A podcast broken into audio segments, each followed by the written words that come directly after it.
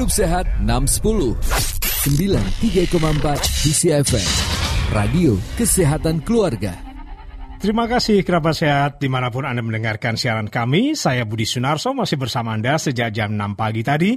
Dan kita masih ada di Hidup Sehat 610. Ini adalah radio show yang kami hadirkan setiap hari setiap pagi jam 6 sampai jam 10 pagi. Dan pagi ini kita sudah masuk pada hari Kamis pagi 30 April 2020. Seperti biasa rangkaian Hidup Sehat 610 kembali menghadirkan dialog publik dan mudah-mudahan Anda sudah cukup familiar karena setiap pagi kami selalu menghadirkan Road Safety Talk, terdidik berlalu lintas yang baik. Sudahkah kita? Kisi FM, Radio Kesehatan Keluarga. Member of Sentra Medical Group. Dan tentu saja Road Safety Talk yang Anda dengarkan ini temanya adalah terdidik berlalu lintas yang baik sudahkah kita?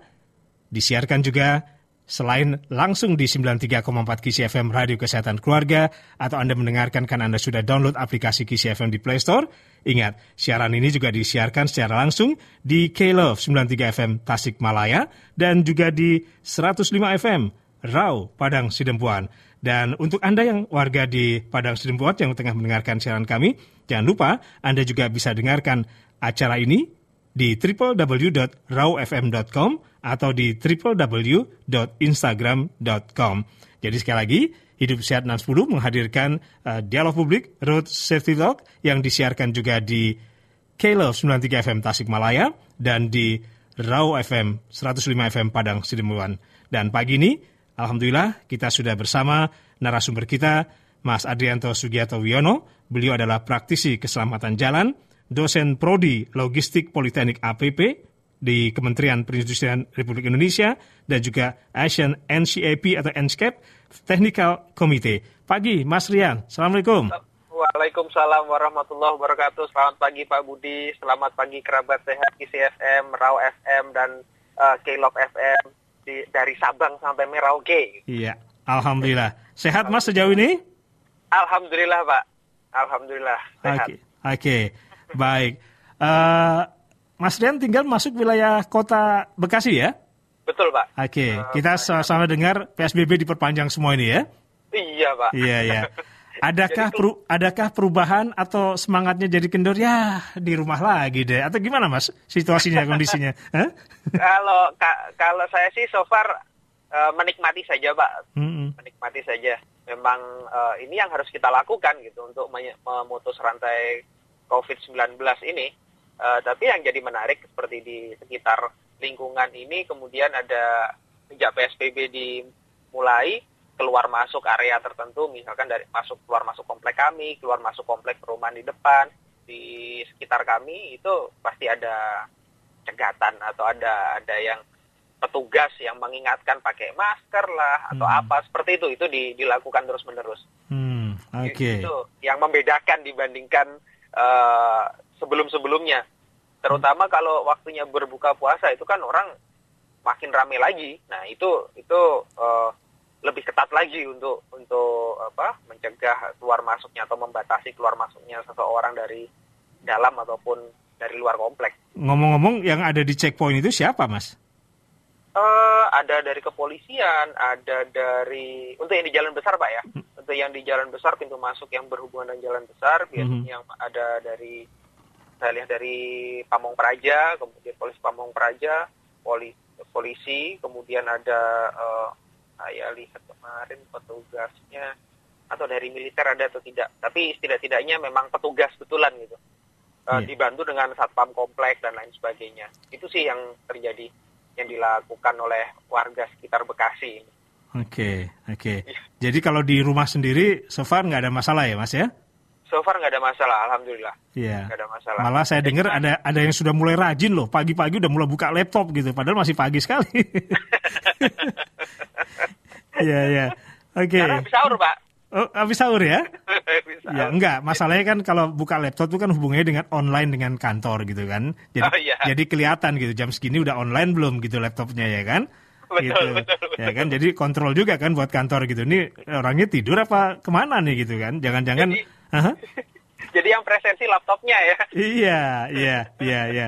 Oke, okay. Mas, tema kita hari ini adalah terdidik berlalu lintas yang baik. Sudahkah kita? Ini sepertinya ada kaitannya kalau eh, saya tangkap dengan kaitannya dengan Hari Pendidikan Nasional. Berikan penjelasan, Mas, kepada mereka yang mendengarkan siaran kita di Raw FM, ya Padang Sidempuan. Halo, selamat pagi Padang Sidempuan. Mudah-mudahan kabarnya semua bahagia dan sehat ya dan tetap uh, menjaga kesehatannya masing-masing termasuk tetap di rumah saja. Kita hibur di sini dan kita temani Anda dari uh, studio dan Mas Rian di, dari rumah ya. Terus yang di Tasikmalaya selamat pagi semuanya. Mudah-mudahan Anda juga bisa ikutan ngobrol di sini dan juga yang mendengarkan karena sudah download aplikasi Kisi FM. Jadi dari Sabang sampai Merauke Anda juga bisa mengikuti siaran kami. Silakan kita hadir pagi ini untuk ngajak ngobrol Anda semuanya. Jadi yang ngobrol bukan hanya saya dengan Mas Rian, tapi Anda juga bisa terlibat langsung. Sampaikan obrolan-obrolan Anda yang mau Anda komunikasikan ke kami di sini, ke WhatsApp kami di 0877 80934. Jangan lupa nama Anda, di mana Anda berada, dan apa pesan-pesan yang mau Anda sampaikan. Baik Mas, berikan sedikit uh, prolog awal gitu ya, ilustrasi terkait tema kita kepada pendengar-pendengar kita hari ini. Baik Pak, uh, sederhananya balik sesuai dengan tema yang tertulis gitu. Hmm. Uh, sudah berlalu lintas terdidik berlalu lintas yang baikkah kita? Sudahkah kita sudah ter, apa kita sudah terdidik dengan baik gitu? Itu kan yang mungkin nampaknya sebagai root of problem dari masalah berlalu lintas kita selama ini. Hmm. Uh, misalkan apakah benar-benar kita terdidik? Misalkan dari uh, level PAUD atau mungkin baru di bawah PAUD bisa-bisa sebelum sekolah. PAUD, TK, SD, SMP, SMA, kampus, bahkan sebelum uji SIM apakah kita uh, benar-benar terdidik? Apakah mungkin ada kurikulumnya atau tidak? Terus kemudian selama ini yang saya tahu ada memang beberapa beberapa berusaha untuk belajar sendiri, ada yang belum uh, apa mengikuti training-training. Nah, berapa banyak yang seperti itu? Bagaimana dengan daerah-daerah lain? Misalkan seperti di Tasik, di Padang Sidempuan, apakah mempunyai akses yang sama terhadap pendidikan berlalu lintas? Kemudian dampaknya terhadap uh, berlalu lintas ini seperti apa? Nah kemudian pendidik, uh, kita sendiri, kita sendiri uh, sebagai pribadi itu di, dengan adanya apa namanya, dengan mempelajari ajarannya Ki Hajar Dewantoro itu apa yang bisa kita lakukan dari tiga hal yang sering diajarkan oleh Ki Hajar Dewantoro Tutwuri Handayani, Ing Matio Mangunkarso, Ing Arso Sungkulodo ini kemudian penerapannya dalam kondisi kita untuk dalam konteks pendidikan berlalu lintas jadi seperti apa? Kan ini uh, konsepnya adalah pendidikan lalu lintas secara umum dari dari Ki Hajar Dewantoro, Langkut Wuri Handayani, Matio Mangunkarso, Arto Sungkurodo. Itu apa yang bisa kita lakukan? Apa yang kita bisa gunakan dari uh, ketiga hal tadi apa untuk uh, diterapkan dalam konteks pendidikan berlalu lintas? Kira-kira seperti itu, Pak apa yang mudah dicerna kalau bicara pendidikan berlalu lintas, Mas, supaya orang nggak nggak nggak confuse gitu, nggak bingung masalah pendidikan berlalu lintas. Apakah layaknya seperti mau mendapatkan SIM begitu atau atau bagaimana? Uh, endingnya adalah kita kalau harapannya begini. Jadi kalau kita terdidik berlalu lintas dengan baik, harapannya ketika di jalan itu jadi baik. Arahnya pada keselamatan kita di jalan. Poinnya sih sederhananya seperti itu. Bisa diulangi sekali lagi, kalau kita ya kalau kita terdidik berlalu lintas dengan baik, tentu ending pointnya harapannya adalah kita berlalu lintas di jalan pun dengan baik, sehingga kita bisa menjaga keselamatan baik diri kita maupun orang lain, kurang lebih seperti itu. Terus siapa yang melakukan pendidikan ini e, menurut kacamata Mas Rihani? itu Pak, pendidikan ini harus kita lakukan dari dari kita sendiri dan e, siapa pun perlu melakukan edukasi, terutama setelah, sebelum kita meminta bantuan orang lain, kita sendiri punya niat enggak gitu kita sendiri punya niat tidak ya? Ya, untuk belajar. Hanya, apakah kita belajar hanya sekedar pe karena pengen punya SIM? Nah ini kan jadi agak kurang kurang kurang pas juga gitu. Nah sekarang dari misalkan dari level PAUD, oke, okay, PAUD tidak mungkin so, uh, seseorang belum punya kehendak sendiri untuk belajar berlalu lintas. Tapi kita sebagai orang tua, apakah kita ngajarin mereka, Pak? Apakah kita mengajari cara bagaimana cara berlalu lintas yang baik?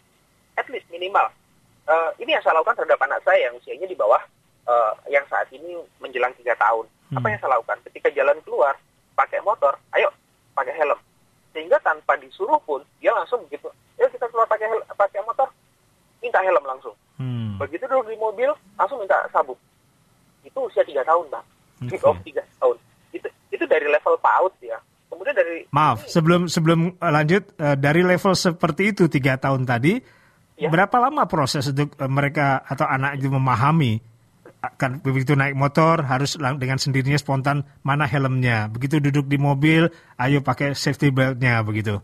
Ya sederhananya begini pak. Uh, ketika di level PAUD level TK yang contoh yang jadi paling utama adalah orang tuanya. Apa yang dilihat oleh uh, kepada dilihat orang tuanya melakukan apa? Itu pasti akan ditiru itu yang terjadi apakah mungkin case-nya berbeda nah ini yang mungkin bisa kita sharingkan sama-sama di hari ini gitu ini case yang ada di saya jadi ketika saya uh, bawa motor, tahu saya dan istri pakai helm, anak pasti pakai helm. Mau helm dong, mau helm, mau helm, mau helm gitu. Mm-hmm. Helm pakai di mobil, begitu masuk pasang safety belt, ya anak langsung sabuk, sabuk, sabuk, dan seperti itu. Mm-hmm. uh, jadi ya balik lagi kita kita bisa nggak jadi jadi contohnya gitu karena yeah. itu yang akan dilihat oleh anak-anak di level tersebut artinya artinya artinya uh, ini nalarnya harus tetap sesuai dengan anak usia tiga tahun tadi ya gitu ya, ya betul pak dan mereka kan belum uh, sampai berpikir bahwa apa risiko pakai helm dan tidak pakai helm, pakai safety belt atau tidak, ini kan belum. Dan perlu dan belum juga perlu dijelaskan di situ ya? Belum pak, mereka belum belum paham kan okay. karena manfaat mm -hmm. uh, plus minusnya menggunakan helm ataupun safety belt. Mm -hmm. Tapi paling tidak mereka mau menggunakan dulu. Itu. Ya. Edukasi di anak-anak usia itu mungkin salah satunya dengan bermain begitu barangkali juga bisa menjadi uh, uh, strategi untuk mereka memahami tadi mas. Betul Pak. Kalau di level SD, uh, eh, saya pernah dapat dari salah satu profesor saya, hmm. uh, beliau berikan modul pelatih, uh, modul apa ya semacam boleh bilang modul pelatihan atau pengenalan berlalu lintas dari anak untuk anak SD kelas 1 sampai kelas 6. Itu ada Pak. Tapi apakah kemudian itu penerapannya seperti apa sampai saat ini? Ini yang terus terang saya pun tidak tahu update-nya seperti apa. Uh, demikian pula di di Malaysia beberapa waktu lalu, sewaktu saya ke sana, saya diberikan buku modul fisik untuk kelas 1 SD seperti apa, uh, sekolah rendah di sana dibilang kan, mm-hmm. uh, kelas 1 sekolah rendah sampai kelas 6. Itu mereka dapat apa? Pengenalan sederhana, misalkan ini namanya apa? Oh ini jembatan, jembatan penyeberangan. Jadi kalau nyebrang harus lewat ini. Oh ini harus diwarnai. Ini uh, hubungannya zebra cross dengan apa? Oh pejalan kaki lampu, lampu traffic light dengan apa itu menjodohkan kalau uh, latihannya itu mm-hmm. ada menjodohkan ada mewarnai apa pun yang disesuai dengan kemampuan uh, level level kognitif dari manusia gitu pada mm-hmm. saat usia itu apa sih yang menarik buat mereka itu yang ditekankan sehingga mereka oke okay, kalau saya mau nyebrang karena kemarin belajarnya uh, namanya nyebrang itu harus penjembatan penyeberangan ya akan yuk kita lewat jembatan penyeberangan. Nah problemnya pak ada di orang tuanya yang diajakin kayak gitu mau nggak? Orang tuanya problem? Ya, diajakin sama anaknya, yuk lewat jembatan penyeberangan. Ah, Oke. Okay. Ah, yeah. Ngapain kelamaan? Potong banget bawah, yeah, yeah. berisiko. Ya. Ini ini yang jadi jadi tantangan gitu pak. Jadi uh, ketika berbicara pendidikan, pendidikan yang paling utama ya berawal dari keluarga. Di keluarga uh, ketika kita bisa mengajak keluarga kita uh, tertib berlalu lintas, saya yakin ke depannya anak-anak ini juga akan jadi pribadi yang tertib berlalu lintas, yang akan menjaga keselamatannya maupun keselamatan orang lain. Okay. seperti itu sih, Pak. Baik. Kondisi pendidikan berlalu lintas tadi sudah diawali dan kalau bisa dimulai dari uh, PAUD tadi bahkan sebelum PAUD bahkan sudah harus bisa dilakukan memberikan contoh-contoh ya Mas ya termasuk Betul, tingkat TK, SD, SMP, SMA bahkan ya. kampus sebelum masuk ke uji SIM, ya. Betul, Pak. Oke. Baik. Bapak Ibu, Anda kerabat sehat yang mendengarkan siaran kami punya pengalaman bagaimana Anda memberikan edukasi kepada putra-putri Anda karena tadi uh, Mas Dian juga sempat menyinggung bahwa pendidikan berlalu lintas itu ya datang dari rumah dulu. Nah, sehingga peran serta dari para orang tua ini jangan sampai ketika anaknya sudah mulai terbiasa dengan uh, apa tertib karena ada masukan hubungannya dengan pendidikan berlalu lintas ini terus uh, mengajak Anda para orang tua contohnya tadi harus naik jembatan penyeberangan tapi Anda sebagai orang tua jadi malas ya agak repot juga ya. Oke. Okay. Yuk, Anda punya pengalaman? Silakan. Ingat, kita ngobrol untuk kita sama-sama ya, bukan hanya kami berdua. Silakan Anda bisa sampaikan ke WhatsApp kami di 0877 80934. Saya mau dengar suara-suara dari Tasikmalaya dan sekitarnya Saya mau dengar suara-suara dari Padang Sidempuan dan sekitarnya. Dan saya juga ingin dengar suara-suara dari Anda yang sudah download di aplikasi KCFM di Play Store. Oke, mudah-mudahan pagi ini uh, Mbak Tik, Mbak Rita di Tasikmalaya, ya, oke, yang tengah mendengarkan siaran kami bisa berbagi pengalaman bagaimana Anda memberikan edukasi atau pendidikan terkait dengan tema kita terdidik berlalu lintas yang baik. Sudahkah kita? Anda sudah melakukan itu kepada minimal putra-putri Anda? Oke, terus Mbak Dona juga di Tasik yang pagi ini juga mendengarkan siaran kami. Silakan, kalau mau berbagi silakan. Termasuk juga pagi ini ada sebentar, ya ada Ibu Ning di Perumahan Taman Raya Citayam Bojonggede. Ya intinya sih uh, hati-hati di perjalanan. Kalau bisa mengingatkan kita lengkapi dengan STNK, SIM, helm, sarung tangan, ya. Dan kalau nggak penting jangan pergi-pergi karena ya. jalan itu sedang dijaga ketat oleh polisi, tentara, bahkan satpol PP. Satpol PP taati peraturan pemerintah, tidak usah macem-macem, aman di rumah ya, dan selamatkan keluarga bahagia, sehat dan sukses. Di jalan juga jangan lupa jaga jarak aman, jangan ngerem mendadak, taati rambu-rambu lalu lintas, hargai pengendara lain dan jangan ngebut. Ngebut. Intinya disiplin diri ya. Mas, kita break dulu ya, Mas ya. Oke. Okay. Kenapa sehat? Silakan. 0877 80 934. Sesaat lagi kami akan kembali. Kisi FM, Radio Kesehatan Keluarga. Member of Sentra Medica Group.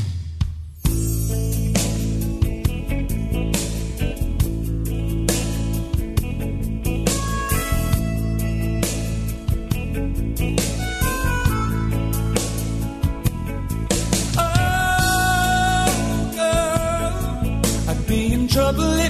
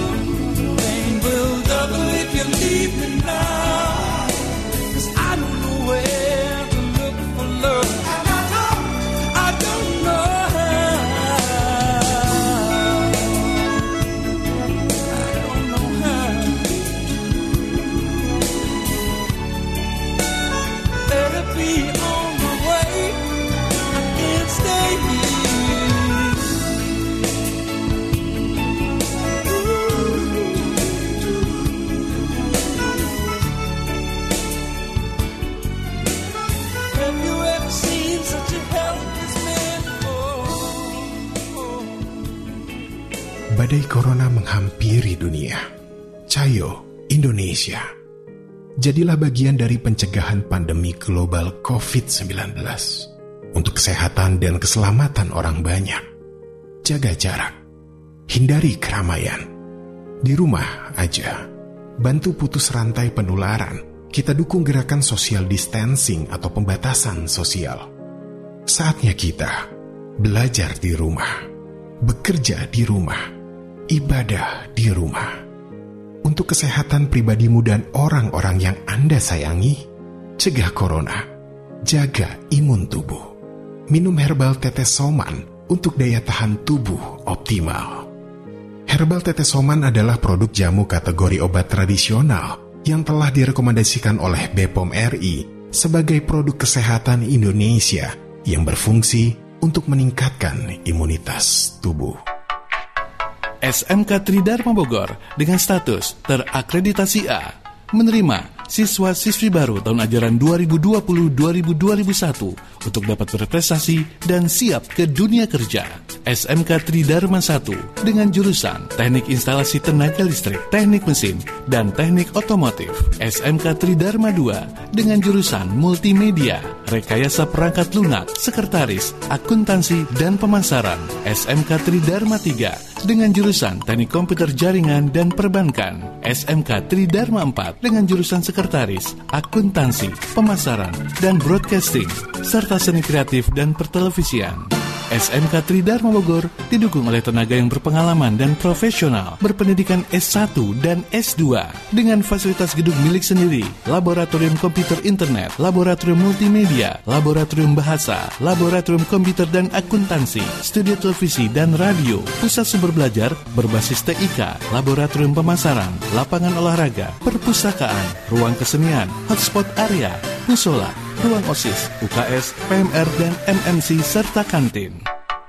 Untuk informasi dan pendaftaran, SMK Tridharma 1, Jalan Raya Kebun Pedes nomor 46, telepon 0251 834 2923. SMK Tridharma 2, Jalan Raya Kebun Pedes nomor 25, telepon 0251 83 79960 SMK Tridharma 3 Jalan Haji Soleh Iskandar nomor 1 Telepon 0251 8326 SMK Tridharma 4 Jalan Raya Soleh Iskandar nomor 5 Telepon 0251 83 Ayo, segera daftarkan putra-putri Anda ke SMK Tridharma. SMK bisa, SMK hebat. Unicom membuka pendaftaran mahasiswa baru 2020 untuk Fakultas Teknik, Ekonomi dan Bisnis, Fisip, Hukum, Desain, Sastra, dan Pasca Sarjana. Unicom, juara dunia ICT 2019, World Skill Competition, Kazan, Rusia, nomor 1, juara Asia ICT 2018, Asia Skill Competition, Abu Dhabi, Uni Emirat Arab, 9 tahun juara dunia, kontes robot internasional Amerika Serikat, 7 tahun, juara Asia Asia Pacific ICT World APIKTA. 4 tahun juara ICT ASEAN Skills Competition. 10 tahun juara nasional kontes roket Indonesia. 7 tahun juara nasional Indonesia ICT World. Juara Startup ASEAN World AIKTA. 2018 pendaftaran online di www.unicom.ac.id Unicom Top 100 Best National Universities 2019. Hidup Sehat 610 93,4 DCFM Radio Kesehatan Keluarga. Pagi ini kita masih berdialog di Road Safety Talk. Temanya adalah terdidik berlalu lintas yang baik. Sudahkah kita? Masih bersama narasumber kita, Mas Adrianto Sugiyato Wiono. Beliau adalah praktisi keselamatan jalan dan juga dosen prodi logistik Politeknik APP Kementerian Perindustrian Republik Indonesia dan ASEAN NCAP atau NCAP Technical Committee. Mas, saya agak tertarik mas dengan ASEAN NCAP ini apa mas bidangnya mas? Oh baik, uh, secara singkat bahwa ASEAN NCAP atau NCAP ini adalah uh, satu organisasi yang bekerja uh, apa men crash test kendaraan, Pak. Jadi kendaraan-kendaraan yang ada di pasaran itu diambil sampelnya, kemudian diuji tabrak ke di di lab, ditabrakkan, kemudian diukur kira-kira ini mampu menyelamatkan nyawa orang yang ada di dalam mobil uh, seperti apa. Nanti dibuat rating dari 0 0, 0 star sampai 5 star. Seperti itu. Terus, Jadi mm -hmm. kendaraan-kendaraan ini dipilih secara acak, ya tidak acak-acak betul sih diseleksi dengan kriteria tertentu. Dipilih, kemudian dibawa ke lab, ditabrakkan. Seperti Oke. itu, Pak. sedih bener tuh ya kendaraan ditabrak-tabrakin dulu ya di tes ya gitu. Iya. Tapi memang harus ada ada uji seperti itu, Mas. Eh, itu ada, ada- begini, itu bukan suatu uji wajib. Mhm. Jadi bu, eh, beda apa yang membedakan ini dengan oh, kan- kadang-kadang ada yang bertanya, lu kendaraan yang di jalan dengan ya bukannya sudah melewati serangkaian tes sebelum turun ke jalan, Hmm. kenapa harus dites lagi gitu? Mhm. Yang membedakan bahwa yang di jalan itu kategorinya atau namanya adalah roadworthiness, kelaik jalanan. Kalau yang ini crashworthiness, kelaik tabrakan. Oke. Yang kebetulan yang menguji bukan eh, bukan dari eh, institusi pemerintah tapi institusi independen. Jadi kalau yang sudah di jalan itu sudah lolos uji kelayakan eh, Jalan. jalan. Ya, Sementara jadi- di NCAP ini adalah menguji kelayakan kalau terjadi Tabrak. tabrakan ya. Betul. Iya, iya, iya, iya. Intinya sih di situ. Jadi ketika di kalau tabrak ada terjadi crash, kemudian kira-kira bisa menyelamatkan yang di dalam tidak? Tapi seharusnya ini kalau tadi kan dikatakan tidak wajib, tapi saya pikir sih harus wajib dong, Mas. Ini kan juga tanggung jawab moral eh, para eh, apa eh, pengu- perusahaan begitu ya, Eh, pengusaha mobil ini juga kan harus bertanggung jawab, Pak. Ya kan? Ah, betul, betul Pak. Jadi ka- eh, arahnya sih sebenarnya karena ini cukup mahal Pak, karena harus ngorbanin mobil kan. Mm. Ya ka- ka- eh, dari NCAP, dari NCAP itu eh, am- ambil kendaraan, nanti kemudian dari manufaktur, oh iya ya ternyata kendaraan saya nggak layak tabrak. Kemudian apa improvementnya gitu? Eh, sederhananya seperti itu. Jadi mengajak secara secara tidak langsung. Atau Anda udah pede nggak sama mobil Anda? Eh, kalau eh, yuk cu- uji tabrak yuk kalau udah pede gitu. Nah, seperti itu. Iya. Ada beberapa bahkan merek terkenal pun sudah terkategori mobil mewah baru saja dilakukan tahun lalu Mhm. ya kurang lebih sudah tahun ya tahun persis tahun yang lalu itu ditantang crash test nyantai-nyantai aja oh enggak tenang aja nggak usah crash test mobil kami juga tetap laku kok begitu crash test betulan hasilnya cuma empat bintang pak baru Artinya, mikir artinya empat bintang itu apa? Artinya eh, sedikit di bawah eh, topnya kan lima ya Hmm, jadi di hmm. bawah sedikit sedangkan pesaingnya di level yang sama itu lima bintang semua Bintang lima ya. Iya, itu Ya, kan ya. secara penjualan akan akan mempengaruhi sebetulnya. Betul. Sebetulnya. Nah, itu itu eh, arahnya. Jadi NCIP itu mau mendorong para manufaktur untuk meningkatkan keselamatan para pembelinya, para pengguna kendaraannya. Intinya sih di situ, Pak. Baik. Halo, selamat pagi Padang Sidempuan. Waduh, anteng-anteng saja nih. Sengaja saya putar lagu tadi biar biar tergugah gitu ikut nyanyi minimal ya Mas ya. iya, betul, Pak. Iya, ya. Ayo, saya mau dengar suara dari Padang Sidempuan ya. Apalagi Anda yang mendengarkan mendengarkan melalui eh, siaran kami di www.rawfm.com atau di www.instagram.com. Silakan. Ini obrolan buat Anda juga. Silakan. Anda bisa eh, ikut berdialog dengan kami, sampaikan pertanyaan-pertanyaan Anda di 0877-80.934. Kita tunggu, ya. Oke, supaya nggak ngantuk nanti Anda di sana. Kalau cuma diam aja jadi ngantuk loh, ya. sementara dari Tasik tadi eh, Ibu Rita, sementara eh, pesannya eh, apa? Menjadi pendengar yang baik dulu katanya. baik. takut dia. Kenapa mesti takut sih? Ya, menjadi pendengar yang setia dulu. Oke, ya. Baik, kita tunggu ya. Eh dari Tasikmalaya dan sekitarnya barangkali ada yang eh, ingin ikut ngobrol sama kita hari ini. Oke, jadi tema kita hari ini eh artinya tetap dikaitkan dengan Hari Pendidikan Nasional ya Mas ya? Betul, Pak. Betul, Pak. Terdidikkah berlalu lintas yang baik? Sudahkah kita? Ya. Itu menjadi pertanyaan buat kita bersama ya. Jadi saya yakin Anda para orang tua pasti punya pengalaman bagaimana Anda mengajarkan eh, tertib berlalu lintas kepada putra-putri Anda. Baik yang tadi Mas Rian saja sudah mengajarkan kepada anaknya masih usia 3 tahun. Bagaimana dengan Anda? Ya kan? Apakah eh, baru TK dulu dimulai atau SD baru diperkenalkan, SMP, SMA, kampus? Yang penting caranya bagaimana, ya kan? kita tunggu. betul, Pak. Yuk eh, ke 0877 80934. Hmm, oke, sebentar ya, sebentar. Ini saya baca dulu. Jangan lupa nama Anda, di mana Anda berada ya. Pesannya ya. Itu yang paling penting. uh, nama Anda, di mana Anda berada, dan apa pesan-pesan yang ingin Anda sampaikan. Ini kok telepon tiba-tiba bunyi sendiri nih. Oke, oke. Okay, okay. Sabar, sabar ya. Saya sih yakin sebetulnya uh, Bapak Ibu kerabat sehat ini punya tips dan triksnya masing-masing. Hmm. Beliau-beliau ini pun pernah uh, berpengalaman pastinya. Entah yang seperti tadi Pak Budi sampaikan, apakah memberikan edukasinya sejak dari sangat muda, sangat kecil, sang, uh, PAUD gitu, ataukah sudah ah nanti aja mau ngambil SIM, baru belajar berlalu lintas, ada yang seperti itu atau bahkan ya nggak peduli sama sekali biarin aja nanti juga belajar belajar sendiri. Yeah. saya yakin juga ada. Ya nggak masalah sih. Ya itu yang perlu kita sharing sama-sama. Jadi okay. kita dapat gambaran secara keseluruhan dari Sabang sampai Merauke ini uh, kerabat sehat itu seperti apa gitu. Jadi caranya uh, pasti beda-beda ya mengajarkannya ya. pasti beda-beda. Betul pak. Yeah, dan ini kan yeah. sebetulnya sampai saking saking dianggap pentingnya pernah diajukan untuk masuk ke dalam kurikulum. Jadi kurikulum khusus membahas tentang lalu lintas.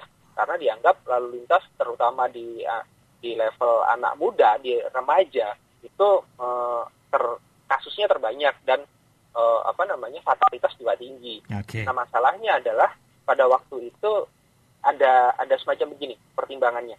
Kalau kurikulum berkendara atau berkurikulum safety riding masuk ke kampus ke sekolah-sekolah, bagaimana dengan yang lain? Kalian dong masuk misalkan uh, narkoba dari dari uh, BNN pada waktu juga. Boleh kami juga mau dong masuk ke kurikulum. Akan banyak hal-hal yang additional tambahan yang masuk ke dalam kurikulum. Akhirnya diputuskan sepertinya uh, ditunda untuk dicarikan cara yang terbaik. Karena kalau tidak akan jadi sangat-sangat banyak beban beban sekolahnya. Yeah. beban belajarnya bagi si para siswa ini. Betul. Oke okay. uh, eh, ada yang sudah mulai tergugah? Kita uh, gugah tadi dengan lagu dan kita panggil-panggil Padang Sidempuan. Pagi ini ada Pak Sony dari Padang Sidempuan, ya. Pak Sony. Ya. Oke, cukup panjang, nggak ada masalah Pak, panjang ya. Selagi saya ya. masih uh, bisa membacakan dengan baik dan jelas gitu. Waalaikumsalam, selamat pagi dan selalu semangat pagi. Semoga kita semua bersyukur masih diberikan kesehatan dan kita doakan bagi yang sedang sakit atau kurang sehat semoga diberikan kesembuhan dan kesehatan. Amin. Amin.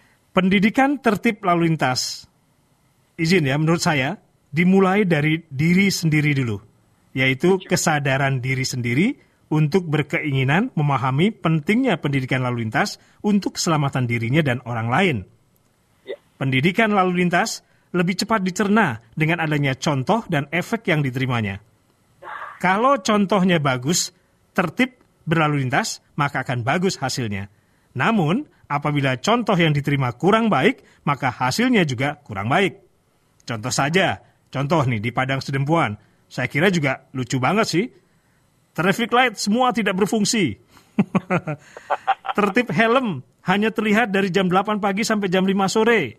Itu pun di seputaran jalan kota Padang Sedempuan saja. Setelah jam 5 sore, bebas helm. Wah, ganti kepala ya helmnya ya. Yang ketiga, contoh tertib pakai helm yang baik di Padang Sedempuan itu patut diancungi jempol. Untuk pengendara becak motor malah semua pengendara becak motor menggunakan helm. Nah, wow. dengan adanya fenomena ini diharapkan adanya peningkatan tertib berlalu lintas di kota Padang Sidempuan ini. Sangat-sangat perlu pihak yang berwenang meningkatkan edukasi dan sosialisasi kepada masyarakat akan pentingnya keselamatan dalam berlalu lintas melalui sosialisasi pendidikan lalu lintas dan perlu juga peran lingkungan untuk mendukung suksesnya tertib berlalu lintas. Mohon maaf kalau kepanjangan. Terima kasih Wah, dari Pak Sony di Padang Sidempuan. Monggo Mas, silakan. betul betul, saya setuju ini. Uh, jadi kalau tadi saya saya ambil garis merahnya dari Pak Sony, uh, poin-poinnya adalah harus dari diri sendiri, mm-hmm. harus mampu memberikan contoh. Mm-hmm. Uh, kemudian pihak-pihak yang uh, terkait dalam hal ini adalah yang berwajib dan lingkungan ini harus bersama-sama. Ya itu sebenarnya ini kan sudah masuk sebagai bagian dari ajaran Ki Hajar Dewantoro gitu kan.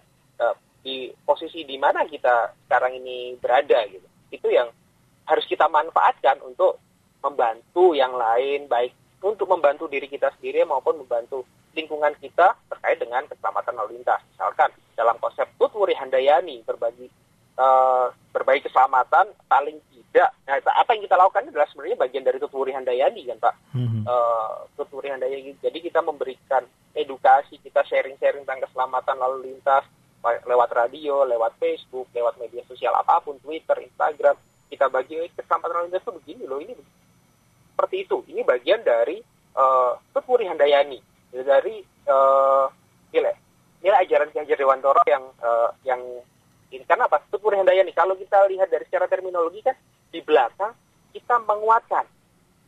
Jadi kalau misalkan termasuk ketika ada orang terlibat kecelakaan lintas atau masalah-masalah lintas, bukannya malah disalah-salahin, tapi dengan baik.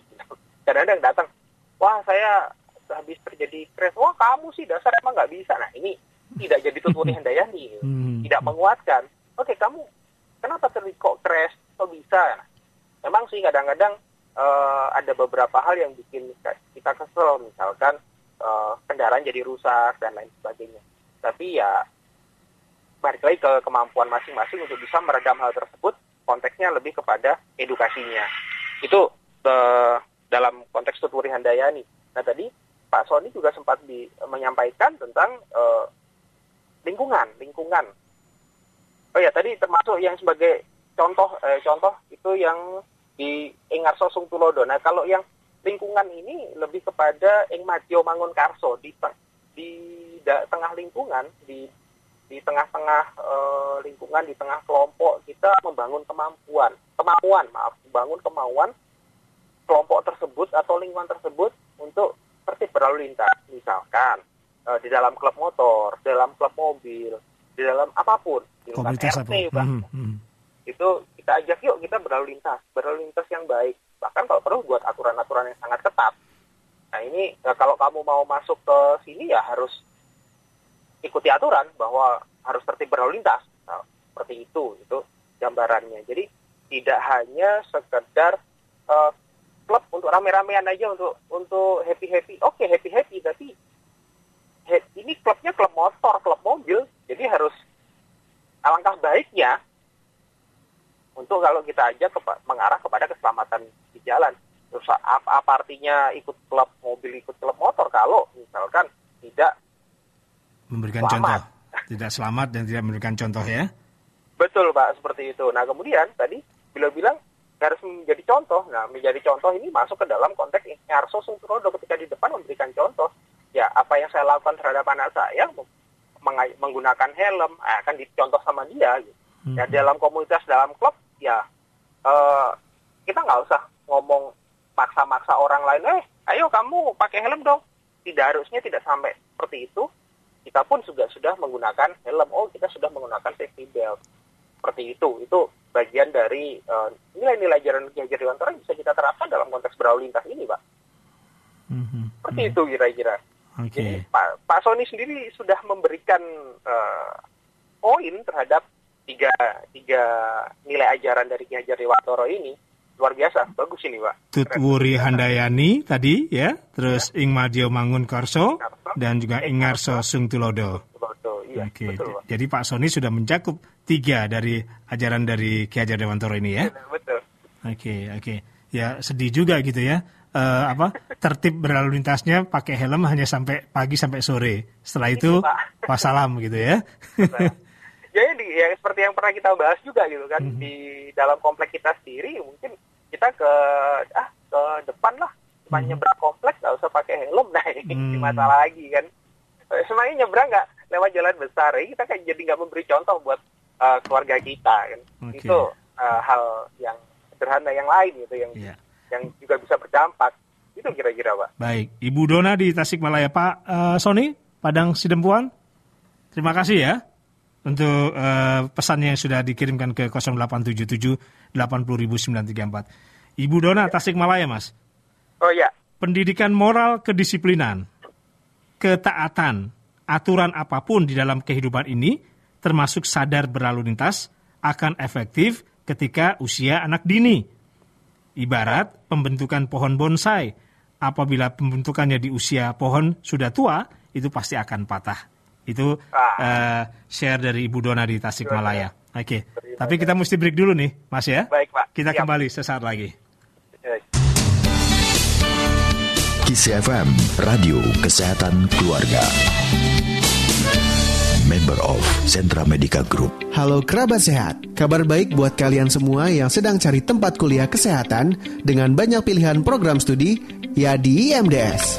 Kabar baiknya lagi telah dibuka program studi S1 Fisioterapi di IMDS dan pertama di Jawa Barat. Setelah lulus, kalian mempunyai kewenangan untuk praktek mandiri dengan lulusan diserap 100% di masyarakat. Ternyata fisioterapi masuk dalam pekerjaan 10 terbaik hasil survei CNN. Ayo daftar sekarang juga. Informasi lebih lanjut, hubungi marketing kami di nomor WhatsApp 0813 8371 8185 atas nama Herdi atau kalian daftar online di pmb.imds.ac.id. Kuliah kesehatan, ya IMDS. Institut Medika Dr. Gigi Suherman, integritas, entrepreneur, dan unggul. Internet buffer di saat lapar bikin kita kuper, ujung-ujungnya baper. Gabunglah bersama kami Geniper, generasi anti baper. Binetfit Homelink cocok banget untuk kamu yang suka internetan cepat. Dengan teknologi fiber optik, kecepatan internet kamu akan jauh lebih cepat dan stabil. Pelayanan 24 jam membuat kamu merasa nyaman melakukan aktivitas kamu dalam berinternet, browsing, streaming, gaming, hingga aktivitas lainnya yang dapat kamu lakukan menggunakan pelayanan internet. Nggak sampai 200 ribu kok, kamu sudah bisa merasakan serunya internetan dengan kecepatan 10 Mbps. Tunggu apa lagi? Mau internet cepat dan sehat? Pilih Binetfit. Info lebih lanjut hubungi di 021 3973 9090 atau WhatsApp ke 0877 2009 0403. Binetfit Powered Internet. Syarat dan ketentuan berlaku. Hidup Sehat 610 93,4 DCFM Radio Kesehatan Keluarga Silakan Mas Rian ditanggapi apa yang disampaikan oleh Bu Dona tadi di Tasikmalaya. Baik, terima kasih Ibu Dona, Widya Sastrena Dharmasida, Ibu. saya sangat setuju ini, betul dari dari dari kecil sebaiknya itu karena uh, bagi contoh ini analogi yang sangat-sangat menarik bahwa ke, kalau bonsai ketika masih kecil bisa dibentuk, mm -hmm. ketika sudah besar mau bentuknya gimana patah. Patah. Nah, ini ya. patah.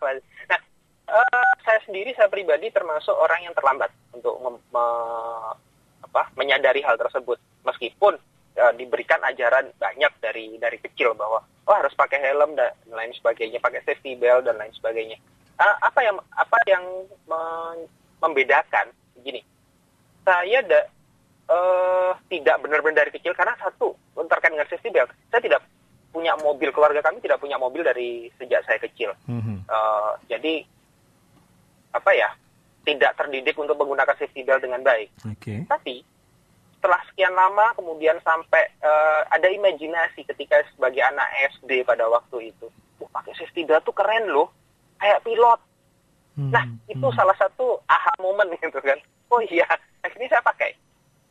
Itu kelas 5 SD. Kemudian uh, itu pun mobil karena mobil mobil orang ikut travel atau ikut mobilnya kakek gitu. Tapi hmm, kalau hmm. ketika selama, selama itu setelah setelah itu nggak punya mobil ya lupa. Akhirnya terlambat. Pokoknya begitu naik mobil ya starter jalan gitu nggak pernah pakai safety belt. Kemudian apa yang kemudian membuat saya terpikir oh ya safety belt itu penting loh. Oh ya safety belt mulai belajar oh, kenapa ya? Kenapa kok uh, orang perlu pakai safety belt? Kenapa dulu saya pernah pakai safety belt kemudian tidak?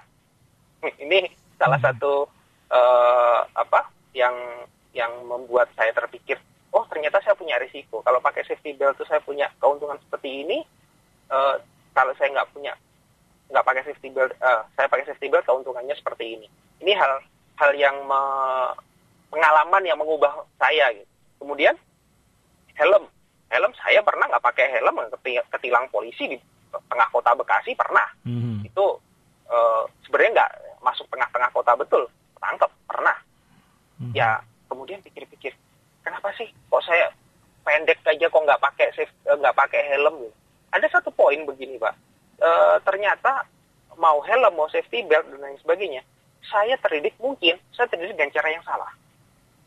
Terdidiknya adalah dengan kamu pakai helm, awas loh, ntar kalau kamu kamu pakai helm itu e, kamu nggak pakai helm ntar ketangkap polisi. Apa di otak saya yang terjadi? yang di otak saya terpikir bahwa saya nggak uh, ah ke depan juga paling nggak ada polisi. Jadi bukan berbicara risikonya, tapi berbicara uh, reward and punishment. Ah, saya ketangkep polisi atau tidak. Hmm. Ketika otak saya berpikir bahwa saya tidak akan uh, ketangkep polisi, maka saya akan mengabaikan itu. Tapi ketika otak saya berpikir bahwa saya kalau nggak pakai safety belt, yang saya tahu aspal lebih keras hmm. daripada kepala saya. Hmm. Hmm. Nah itu pasti akan pakai. Ya, artinya dari uh, pengalaman Mas Rian tadi, sepertinya ya. kalau bicara tantangan edukasi berlalu lintas itu dari diri sendiri yang paling berat ya? Betul Pak, dari dari diri sendiri. Hmm. Dan nanti belum lagi muncul bahwa setiap orang punya aha momennya masing-masing, punya cara belajarnya masing-masing, punya hmm. kepribadiannya masing-masing. Hmm. Uh, dengan orang yang kepribadian sudah gampangnya gini, kita uh, mungkin kenal uh, apa mati, sangu ini, dan lain sebagainya. Cara belajarnya mereka seperti apa sih orang-orang ini? Dan itu mungkin bisa didekati dengan cara-cara belajar mereka. Hmm. Ad, ada orang yang mungkin uh, dilihat dari ekstrimnya, mungkin horoskop. Wah, kalau bintangnya Virgo, Libra, Taurus itu hmm. cara belajarnya begini, hmm. sehingga harus edukasinya seperti ini. Ini juga suatu hal yang menarik dan saya lihat memang belum belum banyak uh, apa edukasi yang melihat dari sisi itu, dari sisi kepribadiannya, hmm. edukasi berlalu lintas. Kalau yang tipe misalkan orang uh, apa DSC, yang tipe D itu seperti apa, tipe I seperti apa, S seperti apa, C seperti apa. Mereka dididiknya kalau tipe D harus seperti apa. Ini juga uh, hal yang belum banyak ada yang melakukan penelitian yang uh, sesuai kira-kira bentuk pendidikannya seperti apa. Ngomong-ngomong supaya pendengar kita paham, apa tadi tipe, ada tipe-tipe tipe D, tipe itu apa mas? Oh itu uh, itu tipe-tipe kepribadian itu hmm. uh, personality trait atau uh, kepribadian yang digolongkan oleh beberapa ahli gitu. Hmm. Ada yang mengukurnya menggunakan DISC, ada yang mengu mengukurnya dengan MBTI. MBTI itu Myers-Briggs Type Indicator. Itu hmm. uh, salah satu tools yang di, uh, dibuat oleh Myers and Briggs uh, ibu dan anak untuk mengukur kepribadian seseorang ada 16 tipe kepribadian. Nah, bisa seperti itu. Atau yang paling sederhana tadi Pak, horoskop. Oh, tipe orang tipe berbintang orang ini berbintang ini kira-kira cara, cara belajarnya gimana sih? Nah, mungkin itu bisa uh, salah satu hal yang menarik juga ya. Kemudian yeah. uh, dari sio, sio macan cara belajarnya seperti ini. Hmm. Jadi pendekatan uh, belajarnya harus juga seperti ini. Kira-kira seperti itu. Tapi Jadi, sudah mulai ada dicoba dengan cara-cara tadi, Mas? Uh, saya 2015 berus uh, sedang waktu itu sempat mencoba uh, mengukur membedakan orang minat menggunakan helm dari sisi uh, MBTI Myers-Briggs Type Indicator. Tapi kayaknya saya harus bukan jurnal saya yang pernah saya tulis mm-hmm. untuk uh, untuk me menceritakan tentang hal tersebut. Uh, ya itu dari diri sendiri. Kemudian tadi ling lingkungan terdekat adalah keluarga, pak. Keluarga betul. Keluarga keluarga ini yang menarik kadang-kadang ada satu tantangan yang cukup berat yaitu jadi contoh. Yang pertama, yang kedua di keluarga sendiri kalau kita ngajarin ke orang tua dianggap kurang ajar. Padahal kita mau menerapkan ingar sosing tulodo tadi ya. Ya betul pak. Ya, mau oh, menjadikan contoh, tapi kalau ngajarin orang tua kualat kayaknya gitu ya. Kualat.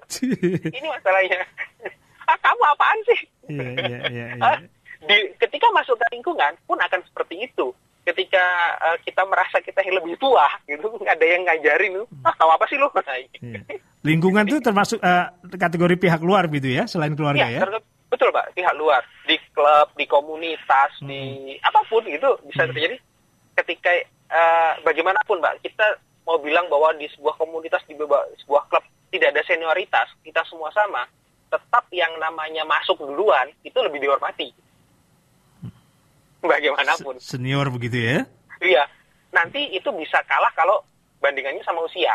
Hmm. Oh, usia yang ini meskipun masuknya belakangan, tapi usianya lebih tua. Jadi biasanya juga akan dihormati lagi. Eh, itu ada beberapa langkah gitu kan sampai ke sana. Tapi yang jelas ketika seseorang merasa dirinya punya suatu kelebihan, entah itu sebagai senior, entah itu usianya lebih tua, kadang agak sulit. Nggak, nggak semuanya, tapi akan ada semacam barrier lah. Perlu proses untuk tembus ke sana. Kalau, di rumah ya, apalagi orang tua, Pak, Bu, pakai ini.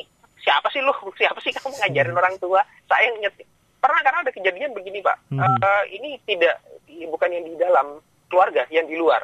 Itu uh, di perusahaan logistik yang pernah saya uh, apa mahasiswa saya magang di sana. Mm -hmm. Saya coba to tolong cek yang beginian gimana ceritanya. Komunikasi antar pengemudi. Kalau ada pengemudi yang muda dengan yang tua, yang tua ini merasa, lah kamu tuh baru nyetir berapa hari sih di sini? Saya di sini nyetir udah 20 tahun. Kok kamu ngajari saya? Iya, iya, iya. Ini yeah. salah satu barrier lagi, Pak. Hmm. Jadi merasa uh, karena sudah senior, karena sudah itu merasa sudah berpengalaman sehingga boleh me mengalahkan dianggap sudah bisa mengalahkan yang lebih muda. Ya, sebenarnya membedakan kan dua. Eh, maaf, yang membedakan satu. Ketika lebih senior, lebih tua, harusnya yang membedakan adalah uh, dari level kebijaksanaannya, kebijakannya, wisdomnya hmm. daripada uh, skill. Itu karena ternyata kalau uh, sedikit saya singgung, ada yang satu yang namanya GDE Matrix, Pak. Ini dibuat oleh HK dan Kesinen uh, di sebuah jurnal bahwa ada empat, empat tingkatan orang dalam belajar uh, edukasi, dalam belajar berlalu lintas. GDE itu uh, globe, uh, maaf, G-nya saya lupa D-nya driver education. Jadi edukasi pengemudi itu seperti apa sih dari empat level? Dua level di bawah itu adalah berbicara tentang skill, dua level di bawah di atas itu adalah level 3 sampai 4 itu adalah level uh, filosofis lebih kepada seperti itu. Kenapa harus berkendara dan lain sebagainya. Nah, ketika kita berhadapan dengan orang yang lebih tua tadi, lebih senior, mungkin mereka masih berpikir tentang skill. Mungkin, saya yakin dan percaya, skill mereka lebih jago, Pak karena sudah bertahun-tahun di jalan. Tapi yang tiga dan empatnya di level apakah saya uh, kenapa sih saya harus berkendara, kenapa saya harus mengemudi, ini bisa jadi beda. Kan katanya tua itu pasti bijaksana itu atau dewasa itu pilihan kan begitu. Iya, iya, iya. Seperti okay. itu, Pak. Baik. Merangkum semuanya, Mas, karena sudah di ya. penghujung kebersamaan kita, ya Wah, kan? Iya, tidak terasa. Uh, betul. Uh, bagaimana kita bisa melakukan yang namanya tuturi handayanani tadi berbagi keselamatan yang baik, ya, baik diminta maupun tidak. Uh, terus ya. bagaimana kita bisa membangun semangat berkeselamatan itu kira-kira sulitnya seperti apa atau uh, sebetulnya ada trik-triknya. Dan tadi menjadi contoh ya menjadi contoh dan tantangan sudah kita singgung tadi dan silakan sekaligus sebagai closing statement pagi ini mas. Baik terima kasih Pak Budi. Uh, kerabat sehat isi FM, Raw FM, dan uh, Scale of FM dari Sabang sampai Merauke yang mendengarkan siaran ini. Sederhananya mungkin bisa kita kita ringkas apa yang kita, kita sharing hari ini bahwa pendidikan itu ternyata tidak mudah menjadi pribadi yang berpendidikan itu tidak mudah karena ada tiga hal yang harus kita lakukan tadi kita harus bisa mendorong dari belakang memberi contoh ketika di depan dan membangun kemauan ketika berada di dalam sebuah lingkungan. Uh, kadang kita bisa mendorong tapi kita tidak bisa memberikan contoh. Kadang kita bisa, uh, ayo kamu pakai helm. Tapi ketika kita sendiri melaksanakannya kita tidak bisa, hmm. tidak mau atau tidak bisa menggunakan helm, tidak mau menggunakan helm. Nah ini ini tantangan kita uh, dalam dalam edukasi berlalu lintas. Nah saya yakin dan percaya uh, hal ini bisa diselesaikan dengan salah satunya yang paling utama adalah kepada kembali kepada diri kita sendiri. Mm-hmm. Maka kita memang mau lalu lintas Indonesia kita jadi lebih baik. Kira-kira demikian, Pak Budi. Tetap sehat, tetap selamat. Terdidik berlalu lintas yang baik, sudahkah kita? Itu yang sudah kita perbincangkan di Road Safety Talk untuk Kamis pagi hari ini bersama Adrianto Sugiarto Wiono. Beliau adalah praktisi keselamatan jalan, dosen Prodi Logistik Politeknik APP di Kementerian Perindustrian Republik Indonesia dan ASEAN NCAP Technical Committee. Mas Rian, terima kasih untuk waktunya ya. Sehat-sehat ya, Mas. Pak. Terima kasih. Sehat ya. selalu, Pak. Terima kasih juga yang mendengarkan di K-Love Tasikmalaya. Sampai ketemu. Dan yang di Padang Sidempuan, terima kasih semuanya. Sehat-sehat. Selamat menjalankan ibadah puasa tanpa terkecuali. Mas Rian, terima kasih sekali lagi. Terima kasih, Pak. Kita tutup Hidup Sehat 610 dan sekaligus Road Safety Talk hari ini. Kita ketemu lagi minggu depan. Budi Sunarso undur diri, tetap sehat, tetap semangat.